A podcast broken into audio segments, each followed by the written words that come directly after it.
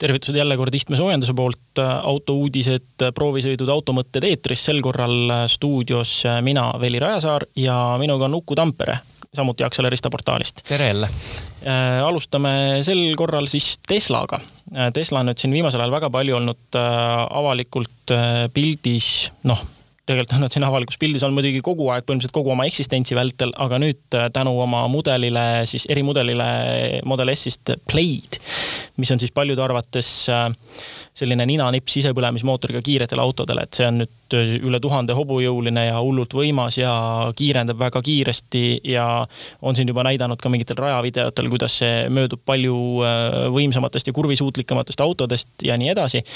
ja kõik siin äh, elektriauto entusiastid on öelnud, et vot nüüd see pani kõik sisepõlemismootoriga autod siis paika oma kohale, aga mida Tesla ei ole paika pannud paraku, on veel Tesla Semi ja Cybertrucki tootmine ehk siis äh, vastavalt siis Tesla veok ja siis see hästi futuristliku välimusega pickup. tegelikult võiks öelda, et nad on neid paika pannud küll, aga korduvalt. ehk siis, kui Semiga kaks tuhat seitseteist aastal välja tuldi, siis pidi see juba paari aasta perspektiivis tulema. kaks tuhat üheksateist aasta tuli Cybertruck.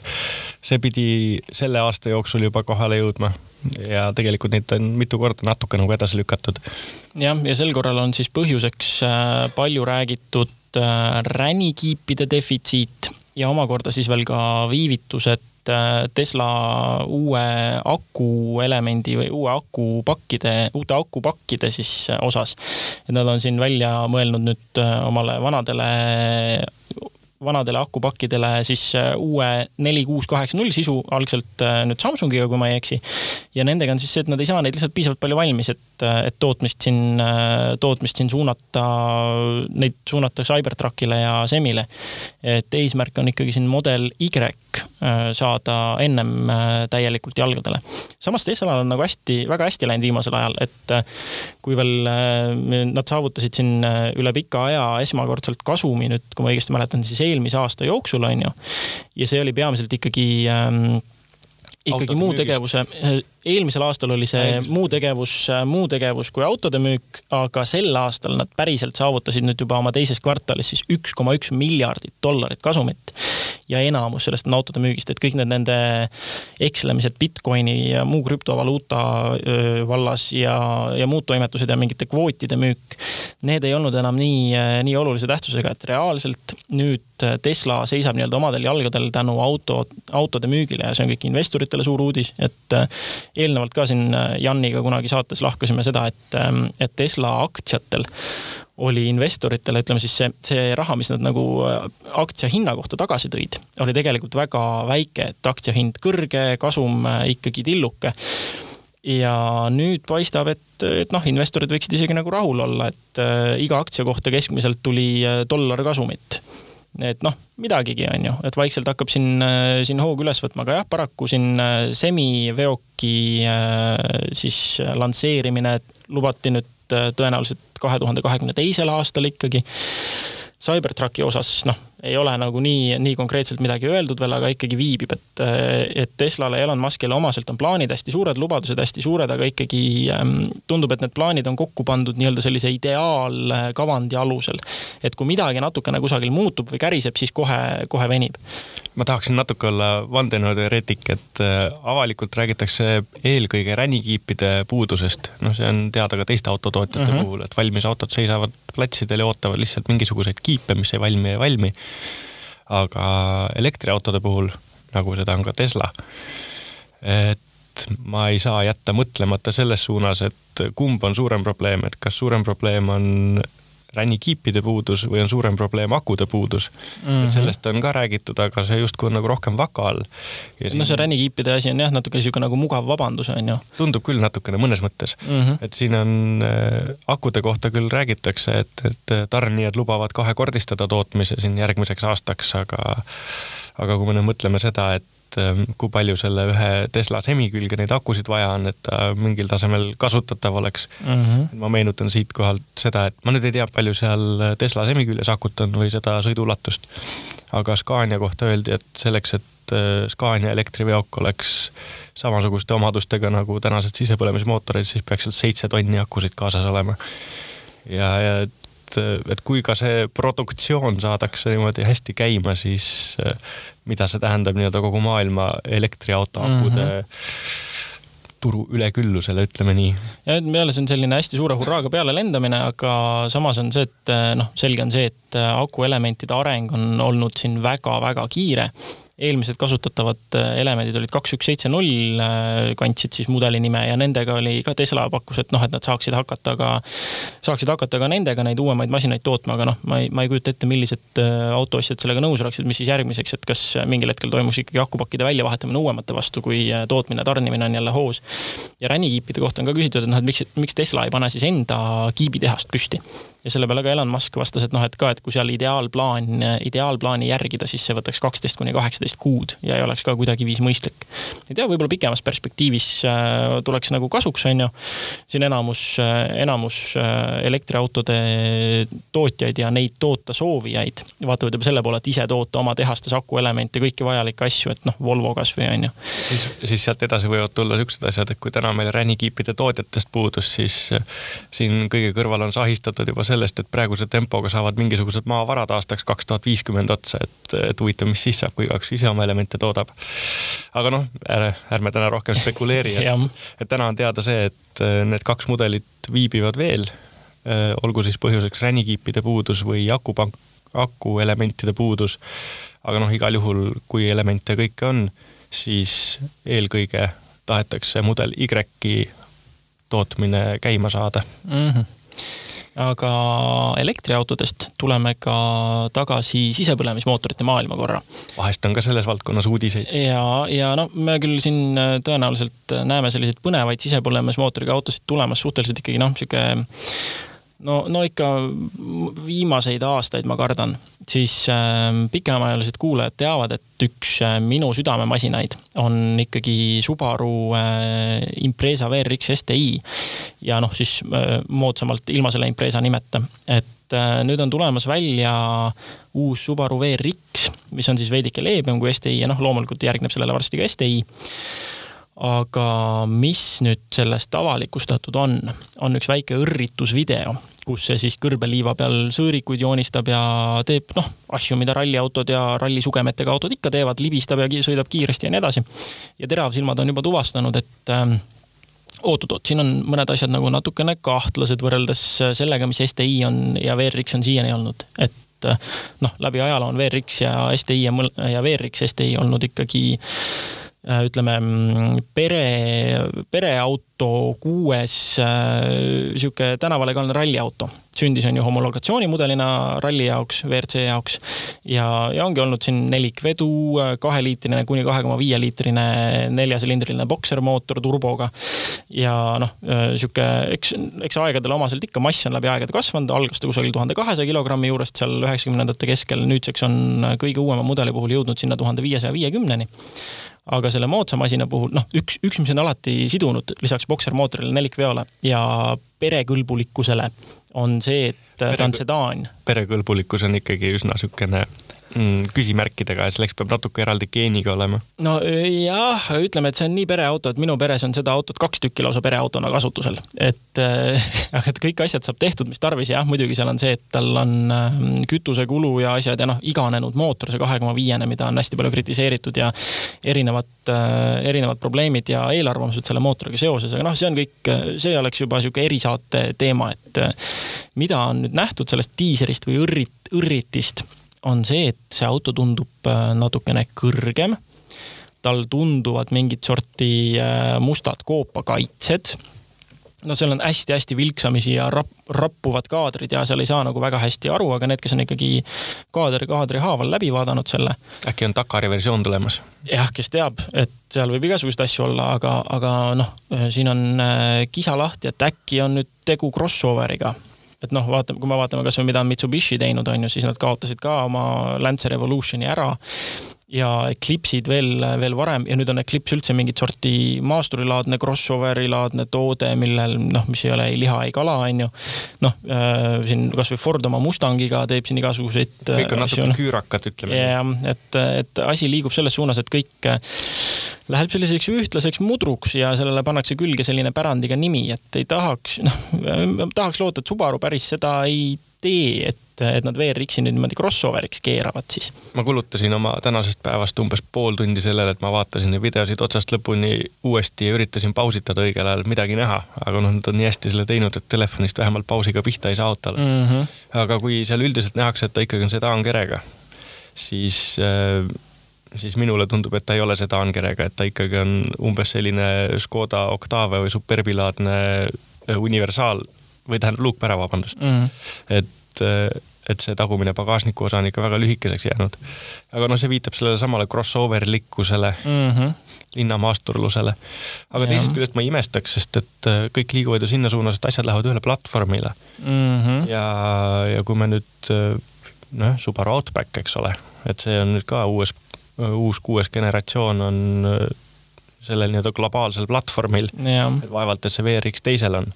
jah, seda küll, et seal sellel globaalsel platvormil muidugi on suured eelised nii, nii noh, tootmiskulude osas ilmselgelt, arenduse osas, kui ka noh, see, et see platvorm, ma mäletan, kui ma käisin äh, nüüd äh, uuema Subaru Impreza esitlusel, see võis nüüd olla ikka aastat kaks-kolm tagasi, ega nad väga seda uuendanud ei ole pärast seda, siis äh, sellega oli ka see, et sellest platvormist räägiti ja seal olid kõik jällegi see mis iganes see eesti keeli siis on, torsional rigidity, mingi painde tugevus, tugevus või jäikus või. jäikus. Äh, ühesõnaga šassii jäikust oli ikkagi parandatud eelmise platvormiga võrreldes, noh, see oli, see oli väga suur protsent, neljakümne, viiekümne kandis. et et ja noh, see on moodsate autode puhul muudkui läheb, et aina tuvastatakse, kuidas on efektiivsem toota, kuhu panna mingeid ägedaid punktkeevitusi, kuhu mingit kereliimi lisada rohkem, on ju, ja, ja ongi maru jäik siia-sinna, pannakse mingeid diagonaale natuke juurde, mis massi eriti ei lisa.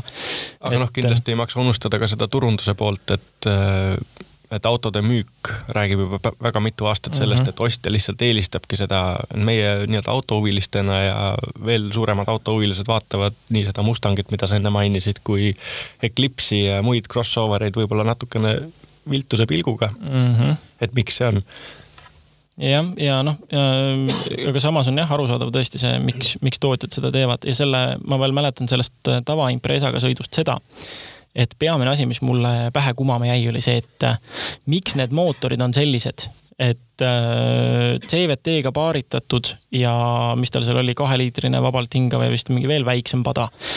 et see šassii tahaks palju rohkemat, sellele sobiks väga hästi VRX STi, see kahe poole liitrine bokser sinna haiste vahele. võib-olla sa tead, kas selle VRX-i puhul räägitakse ka käsikastist või on seal ka kõik? VRX peaks olema praeguste andmete kohaselt tulema ainult variaatorkastiga, aga STi on see, mis tuleb käsikastiga. sest noh, tegelikult ei ole ST või seda variaatorkasti eelistamist raske mõista, et kui näiteks Subaru sihib üldiselt selliseid pereauto segmenti näiteks, siis mm -hmm. et oleks nii-öelda tavaliselt kasutatav mugav pereauto, siis on CVT igati omal kohal, sest et sellest suuremat liikumismugavust ei anna, ei anna ükski teine käigukast mm -hmm. kasutamise lihtsust, aga noh, sportauto puhul, sportauto puhul tähendab variaatorkast lihtsalt seda, et igale tugevamale gaasivajutusele järgneb üks hirmus kisa. ja sihuke kummi venitamise tunne, et sellega nagu paraku on jah, jah, et sellega paraku on see asi jah, et kuigi paberil hea ja isegi mitte hea, vaid teoorias kõige parem variant kastidest on CVT, mis muudkui varieerib sul ülekannet, et sul mootor oleks kogu aeg vastavalt sellele, mis sa soovid, kas kõige optimaalsemas jõuvahes või kõige optimaalsemas ökonoomsusvahes siis jällegi praktika on see, et seda ei ole lihtsalt piisavalt arendatud veel, et see, et see sinnamaani jõuaks. et et äh, noh, aga jällegi, kui seda muudkui edasi suruda, samamoodi nagu käib elektriautode võistlus nii-öelda või elektriautode ralli selles osas, siis pole ka ime, kui CVT kast kunagi sellele tasemele jõuab, et ta ongi kõikidest olemasolevatest kastidest kõige parem. iseasi jah, kui, kui mõnus ta juhile sõita on.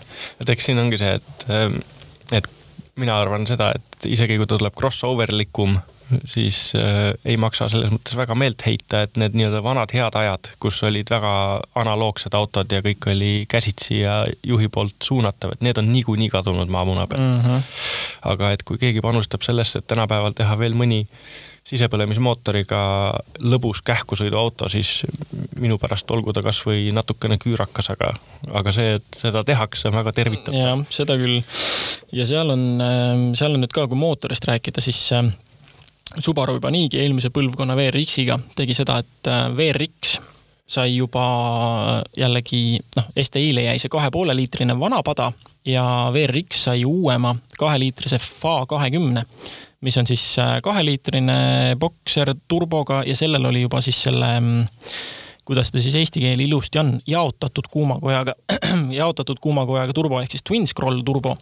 ja noh, siin äh, erinevaid teste tehes tuvastati, et tegelikult see läheb äh, tööhoogu paremini kui STi kahe poole liitrise mootori turbo. pluss ei olnud üldse kapriisne, et see see, kui kahe poolest remonditi iga viiekümne tuhande tagant, siis kaheliitristega mm -hmm. mul on ühel tuttaval, kes on sõitnud tänaseks nelisada tuhat. ja noh, see vana EJ kakskümmend veel, mis oli FA eelkäija, see on veel, see on veel väga ka töökindla mootorina tuntud, aga just jah, see kahepoolene oli see, millega tuli palju probleeme. ja siis uuendati, tehti FA kakskümmend, sellega ei ole nagu mingit, seda, seda vabalt hingavat versiooni pandi GT kaheksakümne kuuele BRZ-ile ja siis see forsseeritud versioon läks VRX-ile. huvitav ongi see, et see on tegelikult nii uus mootor, aga nüüd räägitakse juba seda, et, et uus VRX saab siis FA kahe, kahekümne nelja ehk siis kahe koma nelja liitrise mootori, mida kasutavad siis Ameerika Ühendriikides juba erinevad as-, Ascendid ja, ja mingisugused Legacy Outbacki versioonid. et mis iseenesest ei ole ka üldse mitte paha, et Äh, ja jällegi jätkub see trend äh, või seesama asi, mis oli ka BRZ kahekümne kuue, kaheksakümne kuuega, et äh, et sellel tuleb ju ka nüüd kahe koma nelja liitrine mootor lihtsalt vabalt hingaval kujul, on ju et siis jällegi spekulatsioonidel tõenäoliselt siin on nii-öelda ajaloolist alust ka. aga huvitav jah, et nad nii, nii kiiresti neid mootoreid siis vahetavad, et tõesti, FA on tegelikult nii uus mootor, et sellele väga ei jõutudki teha mingeid erinevaid järelturu mingeid hulle lahendusi, et jah, keegi siin, kes siin blueprintis need plokid ja kes hakkas ühest plokist välja freesitud mootoriplokke pakkuma ja nii, aga neid, neid ei tekkinud nagu väga palju, et vanematel mootoritel on rohkem sellist järelturu tuge. me tegelikult teame ju täpselt, miks neid asju nii kähku välja vahetatakse. meil no, on siin kliima soojenemine, CO2 ja heitmenormid ja, ja muud sellised asjad, et see on see, mis kõike tõmblema paneb jah, aga noh, äh, spekuleerida võib siin äh, erinevates, äh, erinevatel viisidel, aga fakt on see, et Subaru lehel igatahes on olemas väike countdown, kus on kakskümmend kaks päeva, mis näitab, mis on jäänud siis selleni, kuni see auto üheksateistkümnendal augustil New Yorgi rahvusvahelisel autoshow'l avalikustatakse.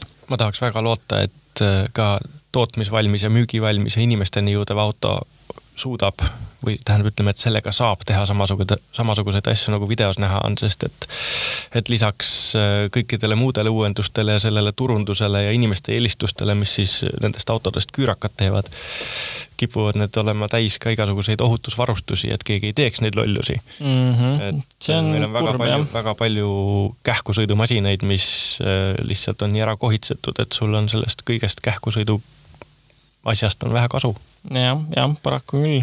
ja Subaru selles osas on ka seda teinud, et äh, ei ole neil enam nende moodsate variaatorkastidega mudeleid, millel saaks veojõu kontrolli ka talvel nii maha võtta, et sa ka talvel saaksid temaga korralikult enam lustida.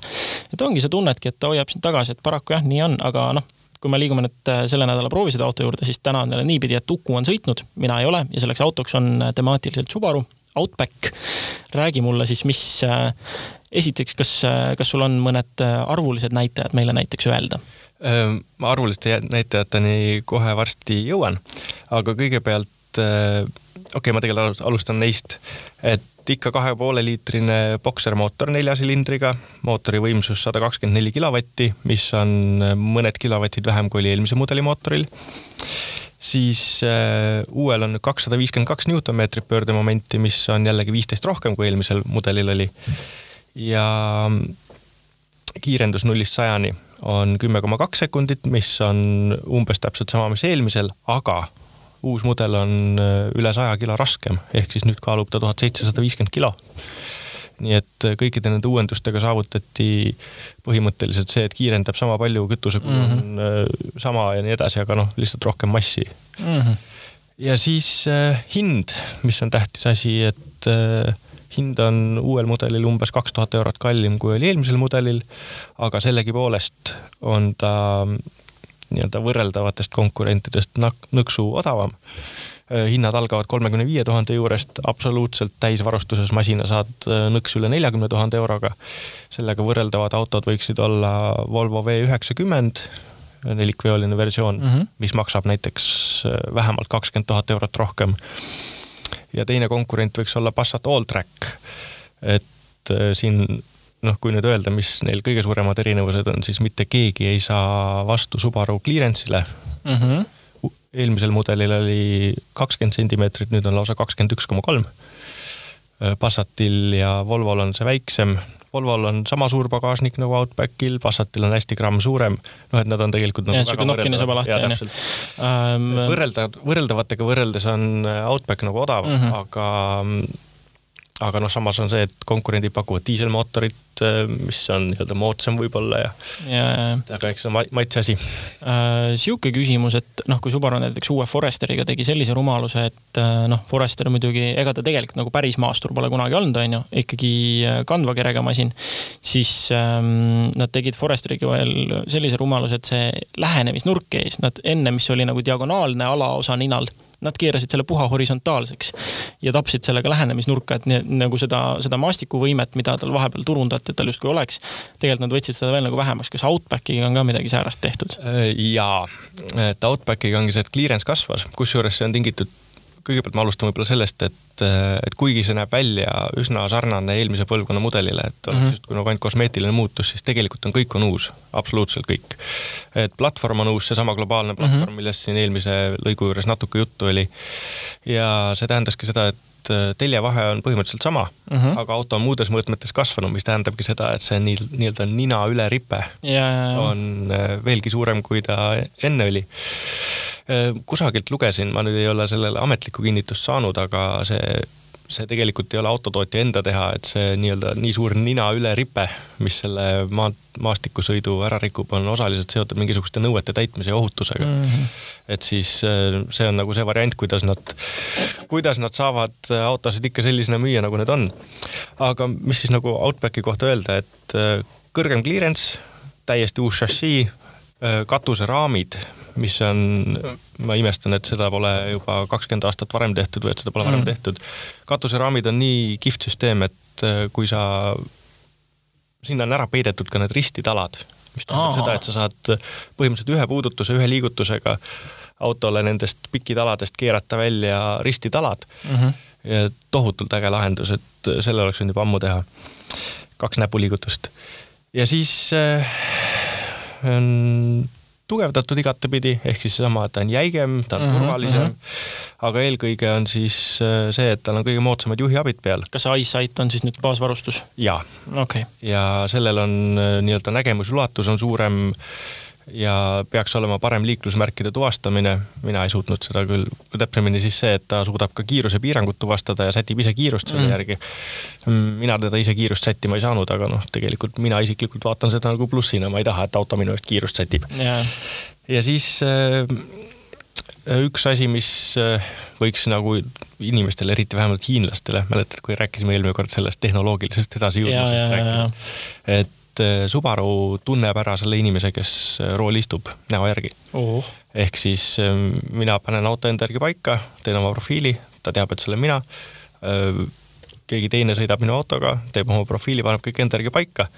ja kui siis mina uuesti autosse sisse istun, auto vaatab mulle otsa põhimõtteliselt ja mm -hmm. aa, tšau ja sätib kõik istmed, asjad, isegi raadiojaamad ja kõik sellised asjad paneb selle järgi, mis mul enne oli. kas peeglid ka? jah okay., absoluutselt kõik. ja siis, kui ma jälle välja lähen ja jälle teine inimene sõidab, siis ei ole temal ka vaja mitte midagi teha, auto lihtsalt suristab ennast ise paika vastavalt sellele, kes sisse istub. ma isiklikult küll tabasin ennast sellelt, et ma lülitasin neid abilisi väga palju välja. et ikka seesama ohutuse teema, et nii kui jääd näiteks äh, lõbusõitu tehes vaatama natukene kauemaks küljeaknast välja mingi mm -hmm. kotkas seal, siis auto kohe karjub, et nüüd pane silmad tee peale yeah, tagasi. ja, ja, ja, ja noh, üldse iga väikene sõidurajalt kõrvale kaldumine või mingid siuksed asjad. no ikka karjub su peale, jah? et ta karjub ja ta reageerib aga vot ta ei reageeri nagu üle mm.. selles mõttes, et ta teeb selle hoiatuse ja ka näiteks sõidurajast väljakaldumise puhul ta suudab kuidagi üllatavalt sujuvalt ja mugavalt selle sinna oma ratta tagasi, raja peale tagasi keerata. ei ole sihuke vägivaldne, ei rebi rooli käest ära, nagu okay. paljudel autodel on.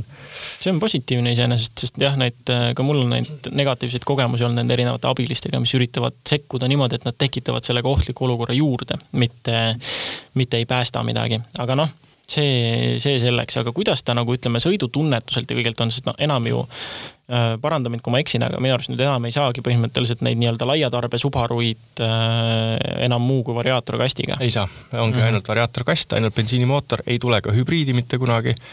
ja on siis see vabalt hingav äh, bensiinimootor ähm,. mida ta kohta öelda, et äh, rahulikule juhile tohutult mugav, et kui eelmine Subaru Outback oli juba mugav ja pehme, siis see on veel pehmem. ja see on nii tohutult vaikne, et isegi kui sõita kruusateel või karedal asfaltteel, siis igasugune veeremüra puudub nii-öelda lubatud kiirustel. loomulikult variaatorkastist tingituna mootorimüra tuleb natukene mm -hmm. kõvemini kiirendada. aga eelkõige sõidumugavus, rahulikkus, tohutult turvaline on ta ka nii-öelda turvatestide järgi. Ja siis eelkõige muidugi selleks, et me testisime ka autot Saaremaal põhimõtteliselt ei ole nagu mitte mingisugust küsimust, et kas ma võin sinna sõita mm. -hmm. et äh, kiviklibud, liivad äh,, üle heinamaa läbi, läbi väikese kraavi oma koduhoovi peal, kõik asjad on nagu täiesti tehtavad ja ta teeb seda ilma igasuguse draamata. tal on see X-mode ka vist on ju? ja, ja nüüd on X-mode on veel täiustatud programmidega ja siis on, noh, ongi variaatorkast on veel täiustatud. ühesõnaga selle auto puhul ongi, kõik on uus, et tal on, pagasnik on suurem, tagaistmel on ruumi rohkem mm, -hmm. kõik on parem, kõik on suurem. ja, ja kuigi siin nüüd hästi paljud teised testijad on öelnud, et kuidagi janune kipub olema siis noh, mäletame, käisime sinuga eelmise põlvkonna Outbackiga. Inglismaal ja meil oli treiler, täistreiler mõlemas suunas taga. ja isegi siis oli kogu reisi keskmine kütusekulu alla kaheksa. ja see oli sisse, korralikult sisse sõitmata mootoriga, et see, see sissesõit oligi nagu ja. see meie tehtud, on ju. et tegelikult ongi nii, et kui me Inglismaale jõudsime ja mootorile sissesõit tehtud oli, siis kukkus kütusekulu ikka nagu mitu pügalat et ma ise arvestasin, et tagasi tulles Saksamaa kiirteel rahuliku tempoga sõites hea ilmaga, siis meil võis hetkekulu olla üsna pikal perioodil kuskil viie liitri kanti. ja seda kinnitasid ka paljud muud inimesed, kes on omale Outbacki ostnud, sest et tegelikult on see väga ostmist väärt auto ja kasutatakse igapäevasõidukina. et näiteks Tallinnast Riia, Riiga sõita viie poole liitrise kuluga pole üldse probleem mm. -hmm. ja meie nädalase proovisõidu keskmine kulu tuli hästi natuke üle seitsme okay.. mina ütleksin, et vabalt hingava bensiinimootori kohta ei ole nagu üldse mitte. no ja selle massi kohta ka. massi kohta ja massist veel rääkides, siis kõige suurem argument minu jaoks. Äh, Outback on üks väheseid autosid, mis kahetonnist käru tohib sikutada, nii et, äh, et ühesõnaga, kellel on vaja asjalikku pereautot, mis on turvaline, mis on rahulik ja mis on mugav mm, -hmm. siis äh, kindlasti tasuks seda kaaluda CVT kohta veel küsin ühe vaheküsimuse, et äh, kas noh, Subaru tegi juba mõned aastad tagasi seda, et nad variaatorkastile panid, panid oh, ikkagi jah. labad külge ja oh, astmed oh, simuleerisid astmeid. kaheksakäiguline CVT kast on see. okei, okei. et äh, noh, siin on olgugi kuulajatele selgitatud, et noh, variaatorkastil põhimõtteliselt see on nii-öelda üks veniv kummipael, eks ole. aga siis selleks, et inimesed oma harjumustes harjumuspärast rohkem nagu kogeda saaksid, siis on sinna programmeeritud kaheksa astet sisse mm. -hmm. et kuidas see täpsemalt jääb, toimub, seda ma tehniliselt ei tea, aga reaalselt see ongi nii, et auto vahetab justkui nagu kindlale käike. ülekandele ja, ja ma, ma ise olen ka mõelnud, et kas ähm, peaks, kui jälle mõni uuem Subaru kätte satub, peaks testima, et kas see, kas see toimub nagu nii, et kui sa näiteks sõidad ja siis äh, nii-öelda laba rebid, kas ta siis võtab konkreetselt olnud ülekandest äh, mingi protsentuaalse osa nii-öelda maha või juurde, vastavalt sellele, kuhu sa, kuhu sa vahetad. või kas tal ongi siis, kui sa lähed sellele manuaalrežiimile, et kas tal ongi siis ette antud ülekanded, et mis iganes, üks kahele koma viiele või mis, kuidas iganes, on ju, et, et et äh, kas, kas tal on, huvitav, kumba pidi tal on, aga no see on, see on jälle mõni on, järgmise korra testimise asi. ei oska seda nagu öelda, aga noh, igal juhul pöördeid saab sellel seal tõsta ja käike ta vahetab sõites, aga noh, käike vahetab selliselt, et ei ole tunda, et käike vahetad, et mm -hmm. näed neid numbreid seal armatuurlauas, mis ütlevad sees oleva käigu numbrit. no okei okay.. aga noh. aga no jälle midagi, midagi neile, kes on harjunud nii-öelda tavalise fikseeritud ülekannetega kastiga, et, et äh, igale ühele pakkuda midagi harjumuspärast. võib-olla selle kasti kohta öelda seda, et nüüd see uus täiustatud kast, äh, seal räägitakse räägitakse isegi kuni kahekümne protsendisest ülekandekulu vähendamisest, nii et nad tegid sellega mingisugust magic ut seal. ja CVT-del on ju see üks põhilisi probleeme, et kuna seal on kogu aeg see pidev hõõrdumine, sul ei ole hambaid, mis oleks omavahel kontaktis, vaid sul on need äh, kahe nii-öelda koonilise osa peal libisev paeldes, siis ongi, sul läheb hästi palju ülekandekadu. see vist on kett tegelikult. aga ja. noh, jah, põhimõtteliselt küll. et kui eelmisel põlvkonnal oli, teine CVT probleem on äh, müra et kui eelmise põlvkonna viimase mudeliuuendusega tehti näiteks käigukasti ketilülid lühemaks mm, -hmm. mis vähendab seda müra, et siis nüüd seekord äh, lihviti siis seda efektiivsuse poolt, et aga noh, see kõik, äh, mis nad kokku on teinud, on hea eelkõige selleks, et kui sa tahad ökonoomselt sõita, siis mm -hmm. ja rahuliku jalaga juht oled, et närvilistel inimestel ei ole selle autoga nagu mitte midagi teha mm, -hmm. siis, siis tundubki see janune ja imelik. Aga kui vaikselt ökonoomselt sõita, siis ta hoiab pöördeid äh, tohutult madalal ja ökonoomses alas ja kuna tegemist on vabalt hingava mootoriga, siis ei ole tal nendest madalatest pööretest nagu ei sooja ega külma mm, -hmm. erinevalt väikestest turbomootoritest. ja see tähendabki seda, et rahuliku jalaga sõites on pöörded põhimõtteliselt miinimumis, kütusekulu on tohutult väike, et ma isiklikult suutsin sellega sõita mingisuguse umbes kahesaja kilomeetrise jupiga viie liitriga sajale, mis on nagu täiesti uskumatu kulu mm. -hmm. ja siis samal ajal on see, et nagu natuke gaasi vajutada, et äh, siis ta tõstab kohe neid pöördeid nii-öelda nagu õigesse vahemikku ja ei ole seal niisugust nii-öelda turboviivitust.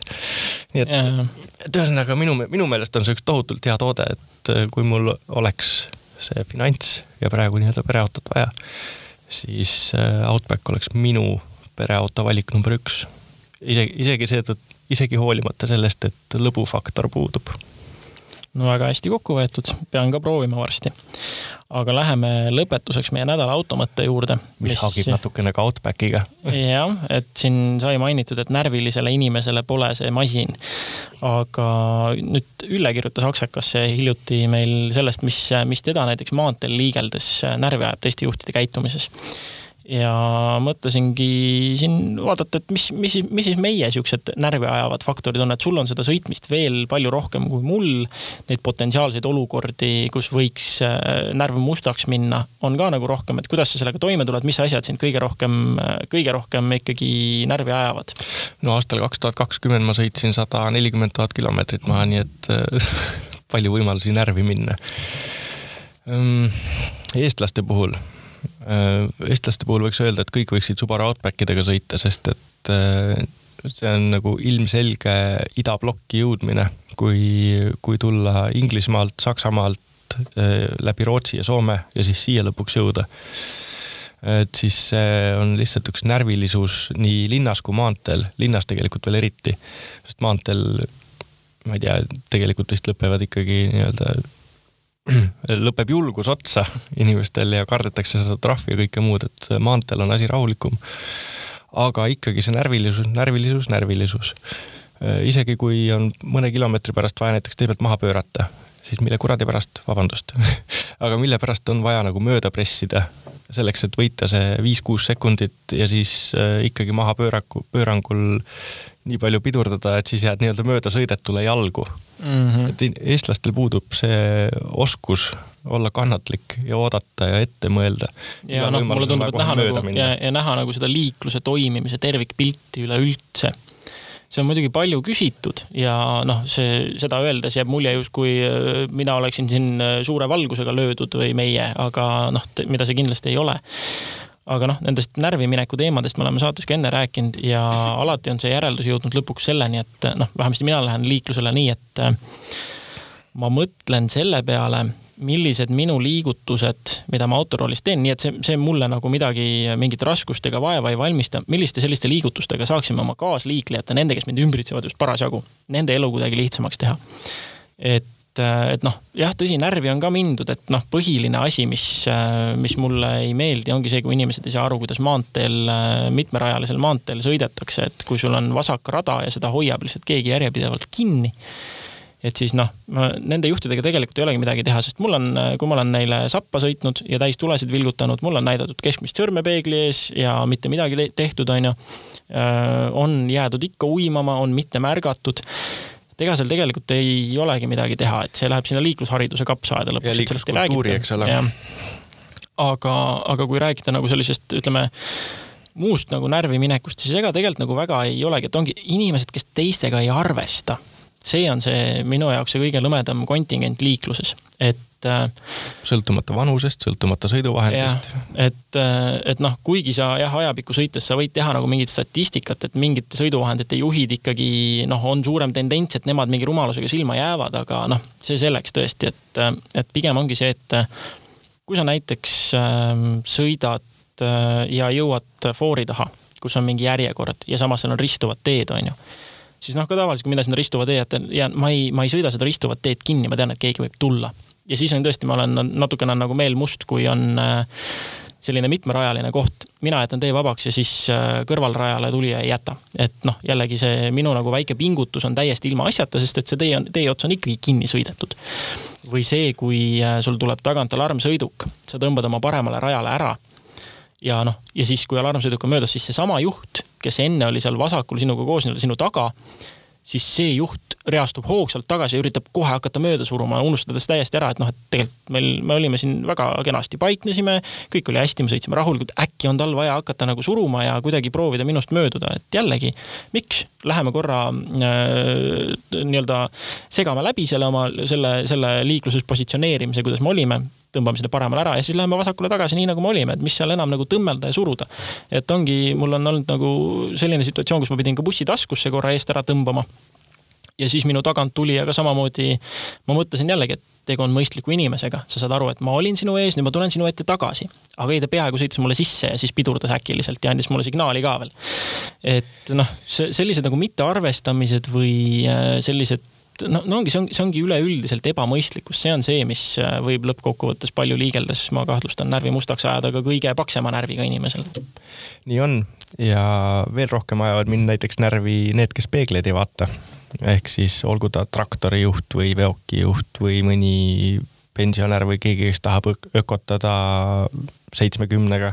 jumala eest, sa võid sõita seitsmekümnega, kui sa tahad, aga niimoodi, et sa ei takista liiklust. ja sinnasamasse potti lähevad ka need, kes ei märka selja tagant tulevaid alarmsõidukeid.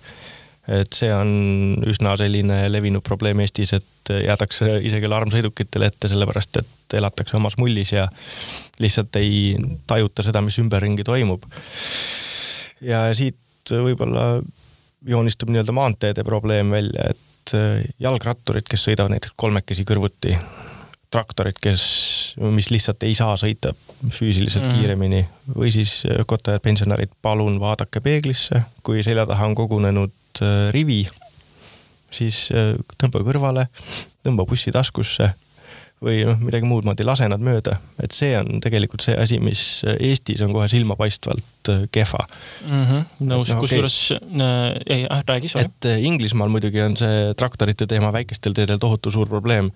et seal võid reaalselt sõita kümme miili ka traktori taga, aga seal on pigem probleem selles, et traktoril ei ole lihtsalt füüsiliselt mm -hmm. kohta, kuhu minna, kui on kiviaiad ja kitsas tee ja mööda ei pääse, siis, siis nii on.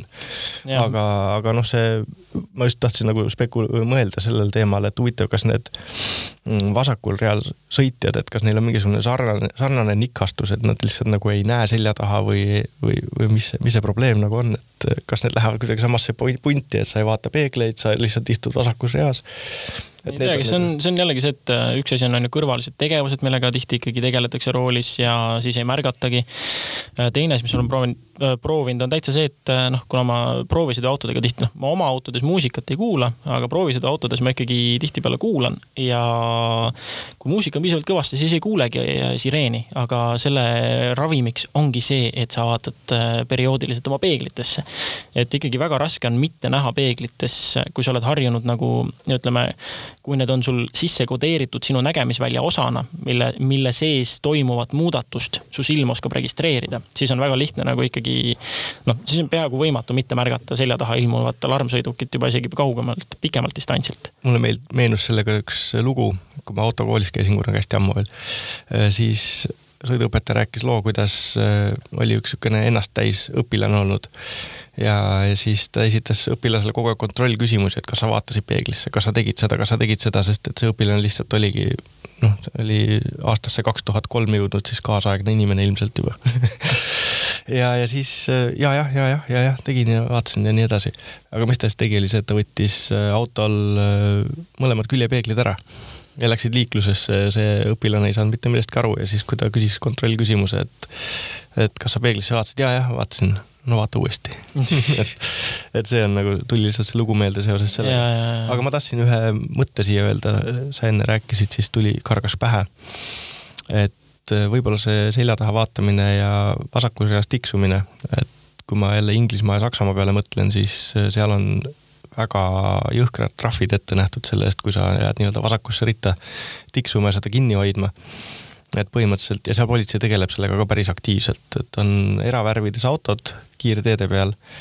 ja, ja kui keegi jääb sinna nii-öelda isegi mitte noh, kolmerealisel teel mm, jääb isegi keskmisesse ritta sõitma ja tiksuma ja juhtub olema selle eravärvides politseiauto vaateväljas või näiteks fikseeritakse see kaameratega mm. -hmm. et siis on, trahv on kakssada naela täiesti automaatselt. Ja Saksamaal sa võid lihtsalt surma saada, kui sa jääd sinna vasakule mm -hmm. poole tiksuma, sest et äh, seal on kiiruste erinevused nii suured ja ka peeglisse vaatamisega, et äh, et kui sa jätad peeglisse vaatamis, vaatamata, võib-olla sul seda harjumust ja esimesest reast välja tõmbad rekkate vahelt, siis võib täitsa vabalt olla, et teises reas sõidab keegi saja nelja, saja viiekümnega ja jääb sinust üks mm -hmm. märk plekki järgi. kolmandas reas veel rohkem, et mm. -hmm jah, ja siin on veel see, et see möödalaskmise asi, ähm, noh, meil on, on ju nüüd tekkinud need pluss, äh, need üks pluss ühed või kaks pluss ühed, kus sõites on ka see, et tihtipeale sa ootad seda, sa ootad, sa oled kellegi taga kinni, ootad, oh, vot väga hea võimalus ja siis sul ees olnud mis iganes veok või asi läheb teisest veokist möödasõidule. Need on toredad situatsioonid ja teine asi on jah see, et et jah, kohti, kus nagu mööda lasta on ja siis seda lihtsalt ei tehta. et äh, huvitav tendents on see, et kui näiteks sõita Lätti-Leetu, siis ähm, sa võid sõita Tallinnast alates nii, et sa sõidad ühe juhi sabas, Eesti numbrimärk. kohe, kui üle Läti piiri jõuad siis ta äkitselt õpib ära, kuidas maanteel saab sõita ka kolmel rajal, nii-öelda kaherajalisel maanteel, et ongi, tõmmatakse paremasse serva ära ja tagant tulijad saavad äh, kesk, keskel siis mööduda, sest tegelikult on ruumi ikkagi väga palju. Eestis samamoodi seda ruumi on. ohuolukordades on paar korda seda ette tulnud, et on pidanud mahutama end kolme sõidukiga teele kõrvuti ja mahub tavalisel meie mingisugusel kaherajalisel maanteel.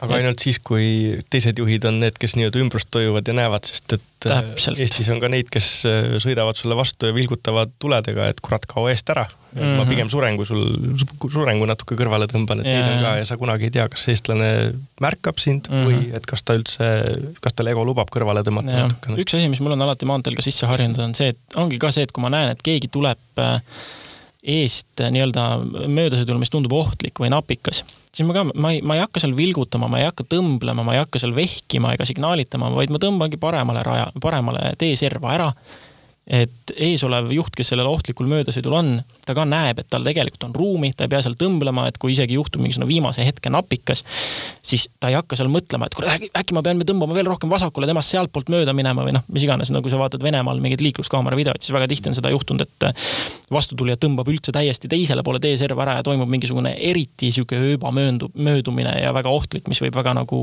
ähm, kurvalt lõppeda. see muidugi ei tähenda, et neid möödasõite niimoodi teha tohiks, et see on normaalne. jah, aga jällegi, et see on. Nendega toimetulemine. jah, et see on see, et jällegi see on osa sellest, et mis mina saan teha, et minu kaasliiklejate toimimine ja toimetamine natukene lihtsam oleks, et see on jälle üks neist asjadest, mul ei võta tüki küljest ära sinna natuke paremale teeservale tõmmata. sama on see, et kui tuleb äh, minu suunavööndis või kui ma näen, et vastu tuleb jalgrattur näiteks ja ta sõidab korralikult, ta sõidab üksinda, ta sõidab seal tee servas nii palju, kui kannatab siis jällegi, kui ma näen, et mina jalgrattur ja vastu tulev auto satuksid kohakuti, ma tõmban ka ennast paremale nii ära kui võimalik, et see autojuht saaks selge signaali ja jalgrattur saaks selge signaali, et äh, noh, et me mahume kõik kolmekesi, jah, et, et ei ole see, et autojuht peab nüüd pidurdama omal mis iganes üheksakümne pealt kiiruse mingisugune kolme-neljakümne peale ja siis ootame jalgratturi taga.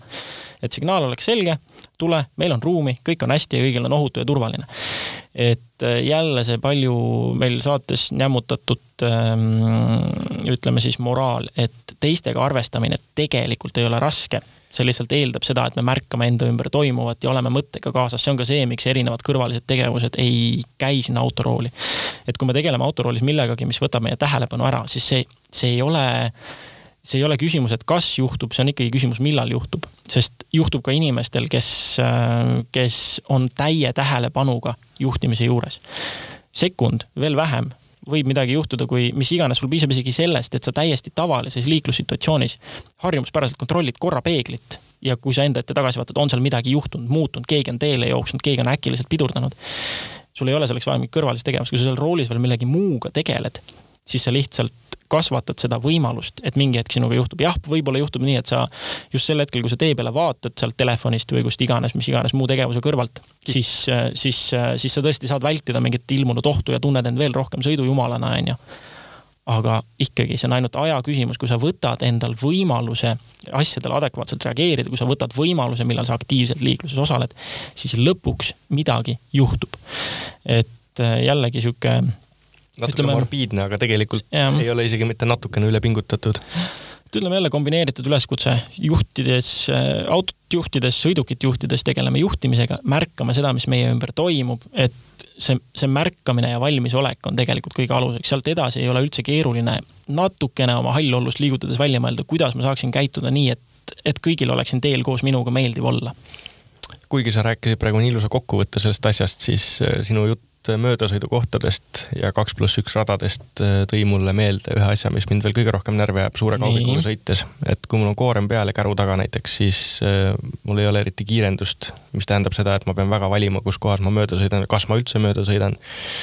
ja praktikas tähendab seda, et ma tegelikult ei sõidagi mööda, sest et mm ma olen teadvustanud endale seda, et, et mingisugune natukene kiiremini sõitmine, see ajaline võit on täiesti täiesti köömes, aga samas näiteks kütusekuluvõit on jällegi päris suur. aga äh, kaks pluss üks alad, kui on need ebaühtlase kiirusega sõitjad, et ta muidu sõidab näiteks seitsmekümnega, kaheksakümnega mm, -hmm. ma ei saa tast kuidagi mööda ja kui tuleb see kaks pluss üks ala. no siis ta, oo hea puhas tee on ju. hea puhas tee, tekib turvatunne, vajutab gaasi, kiirendab sajani. mina tast enam mööda ei saa. ja siis, kui tuleb jälle see kitsam koht tagasi, siis ta. oi ohtlik, ohtlik, ohtlik. täiesti ohtlik, kõige ohtlikum et oh, aga noh, eks see haagib ikka sellesamaga, et märka, mis sul peeglites toimub, märka, mis sul ümber toimub mm. -hmm. ja nii on meil kõigil parem olla liikluses. aitäh, et kuulasite, järgmise korrani